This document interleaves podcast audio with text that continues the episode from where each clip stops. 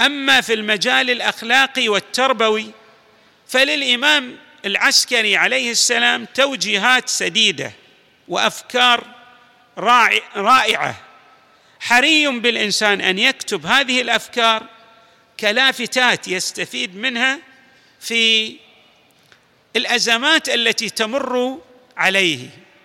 يقول الإمام في هذا الشأن ولم يعرف أحد راحة القلوب من لم يجرعه الحلم غصص الصبر والغيظ.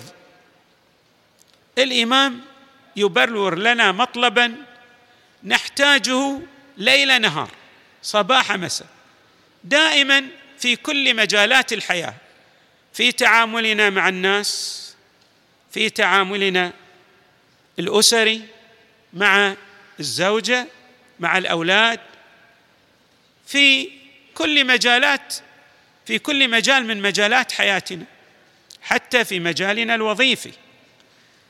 الناس الذين نتعامل وإياهم يخطئون علينا ويقرؤون شخصياتنا بغير الواقع الذي نحن عليه. وهكذا نحن أيضا بالنسبة لغيرنا.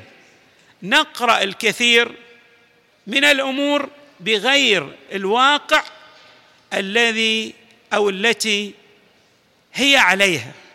الواقع لتلك الأمور يغاير النظرة التي نحن ننظر بها. يغاير القراءة التي نقرأها. وبمعنى آخر أن التفسير للواقع الخارجي نحن نفسره بغير ما هو عليه. لأن هناك خفايا وخبايا للواقع الخارجي لا يحيط بها علمنا. نحن لا ندرك الأمور من كل الزوايا. ندرك الأمور من بعض الزوايا وتخفى علينا الكثير من الزوايا. تكون غامضة. ولذلك نفسر الأمور بغير ما هي عليه. وهكذا أيضا إذا نظر إلينا غيرنا بهذا المنظور نعتبر أن تلك النظرة إبخاس لحقنا. واستهزاء بشخصيتنا وتحقير لمقامنا. لا ندري أنه لا يحيط بنا علما من كل الزوايا ويلتفت إلى ما نحن عليه من كل الجهات. بالتالي نتسرع في إعطاء الأحكام.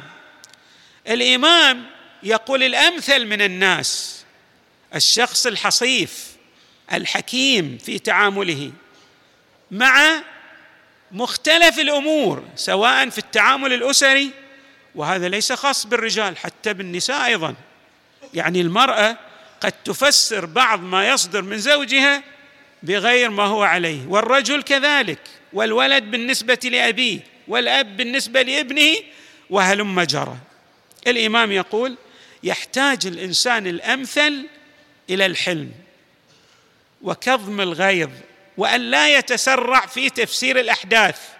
حتى الأمور التي يعرف يعرفها من بعض الزوايا لا يتسرع ويظن أنه على يقين بكل الحيثيات والملابسات التي تحيط بها.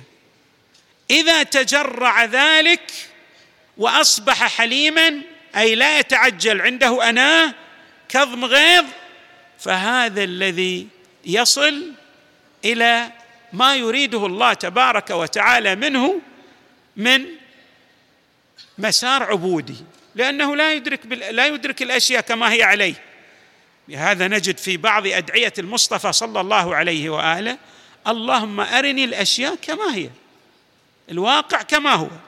الإمام يقول إذا أردت الراحة لقلبك والطمأنينة لنفسك والوصول إلى المقام الأمثل حري بك أن تتجرع غصص الصبر والغيظ. وأن تكون حليما لما يصدر تجاهك من أحداث ولما يصدر تجاه غيرك تجاه غيرك من الأحداث. لأن هذه الأحداث أنت لا تحيط بكل الزوايا التي تلابسها. فعليك أن تكون حليما كاظما لغيظك متجرعا لغصص الصبر.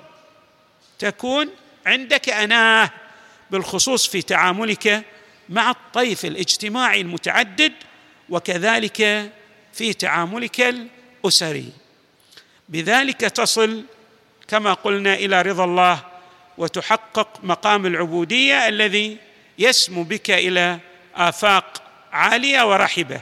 نسأل الله أن يجعلنا مع إمامنا العسكري عليه السلام في الدنيا والآخرة ومع ابنه المهدي صلوات الله وسلامه عليه ومع آبائه الكرام وأجداده العظام والحمد لله رب العالمين وصلى الله وسلم وزاد وبارك على سيدنا ونبينا محمد وآله أجمعين الطيبين الطاهرين.